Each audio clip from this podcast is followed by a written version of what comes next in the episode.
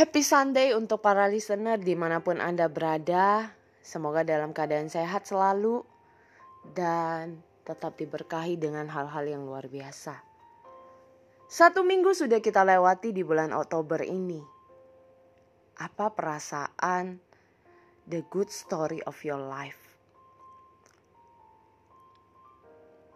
Bagi saya, the good story of my life for this one week adalah mendapat kesempatan bisa berbagi di sekolah di kota Balikpapan, mengajari, membimbing anak-anak tentang pentingnya memiliki skill berbicara di depan umum atau berkomunikasi.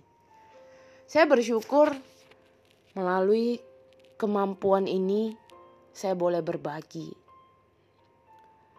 Karena saya percaya di saat saya berbagi bukan saya menjadi kekurangan, tapi di saat saya memiliki skill kemampuan ini, di saat saya berbagi, saya sedang belajar, learning by doing.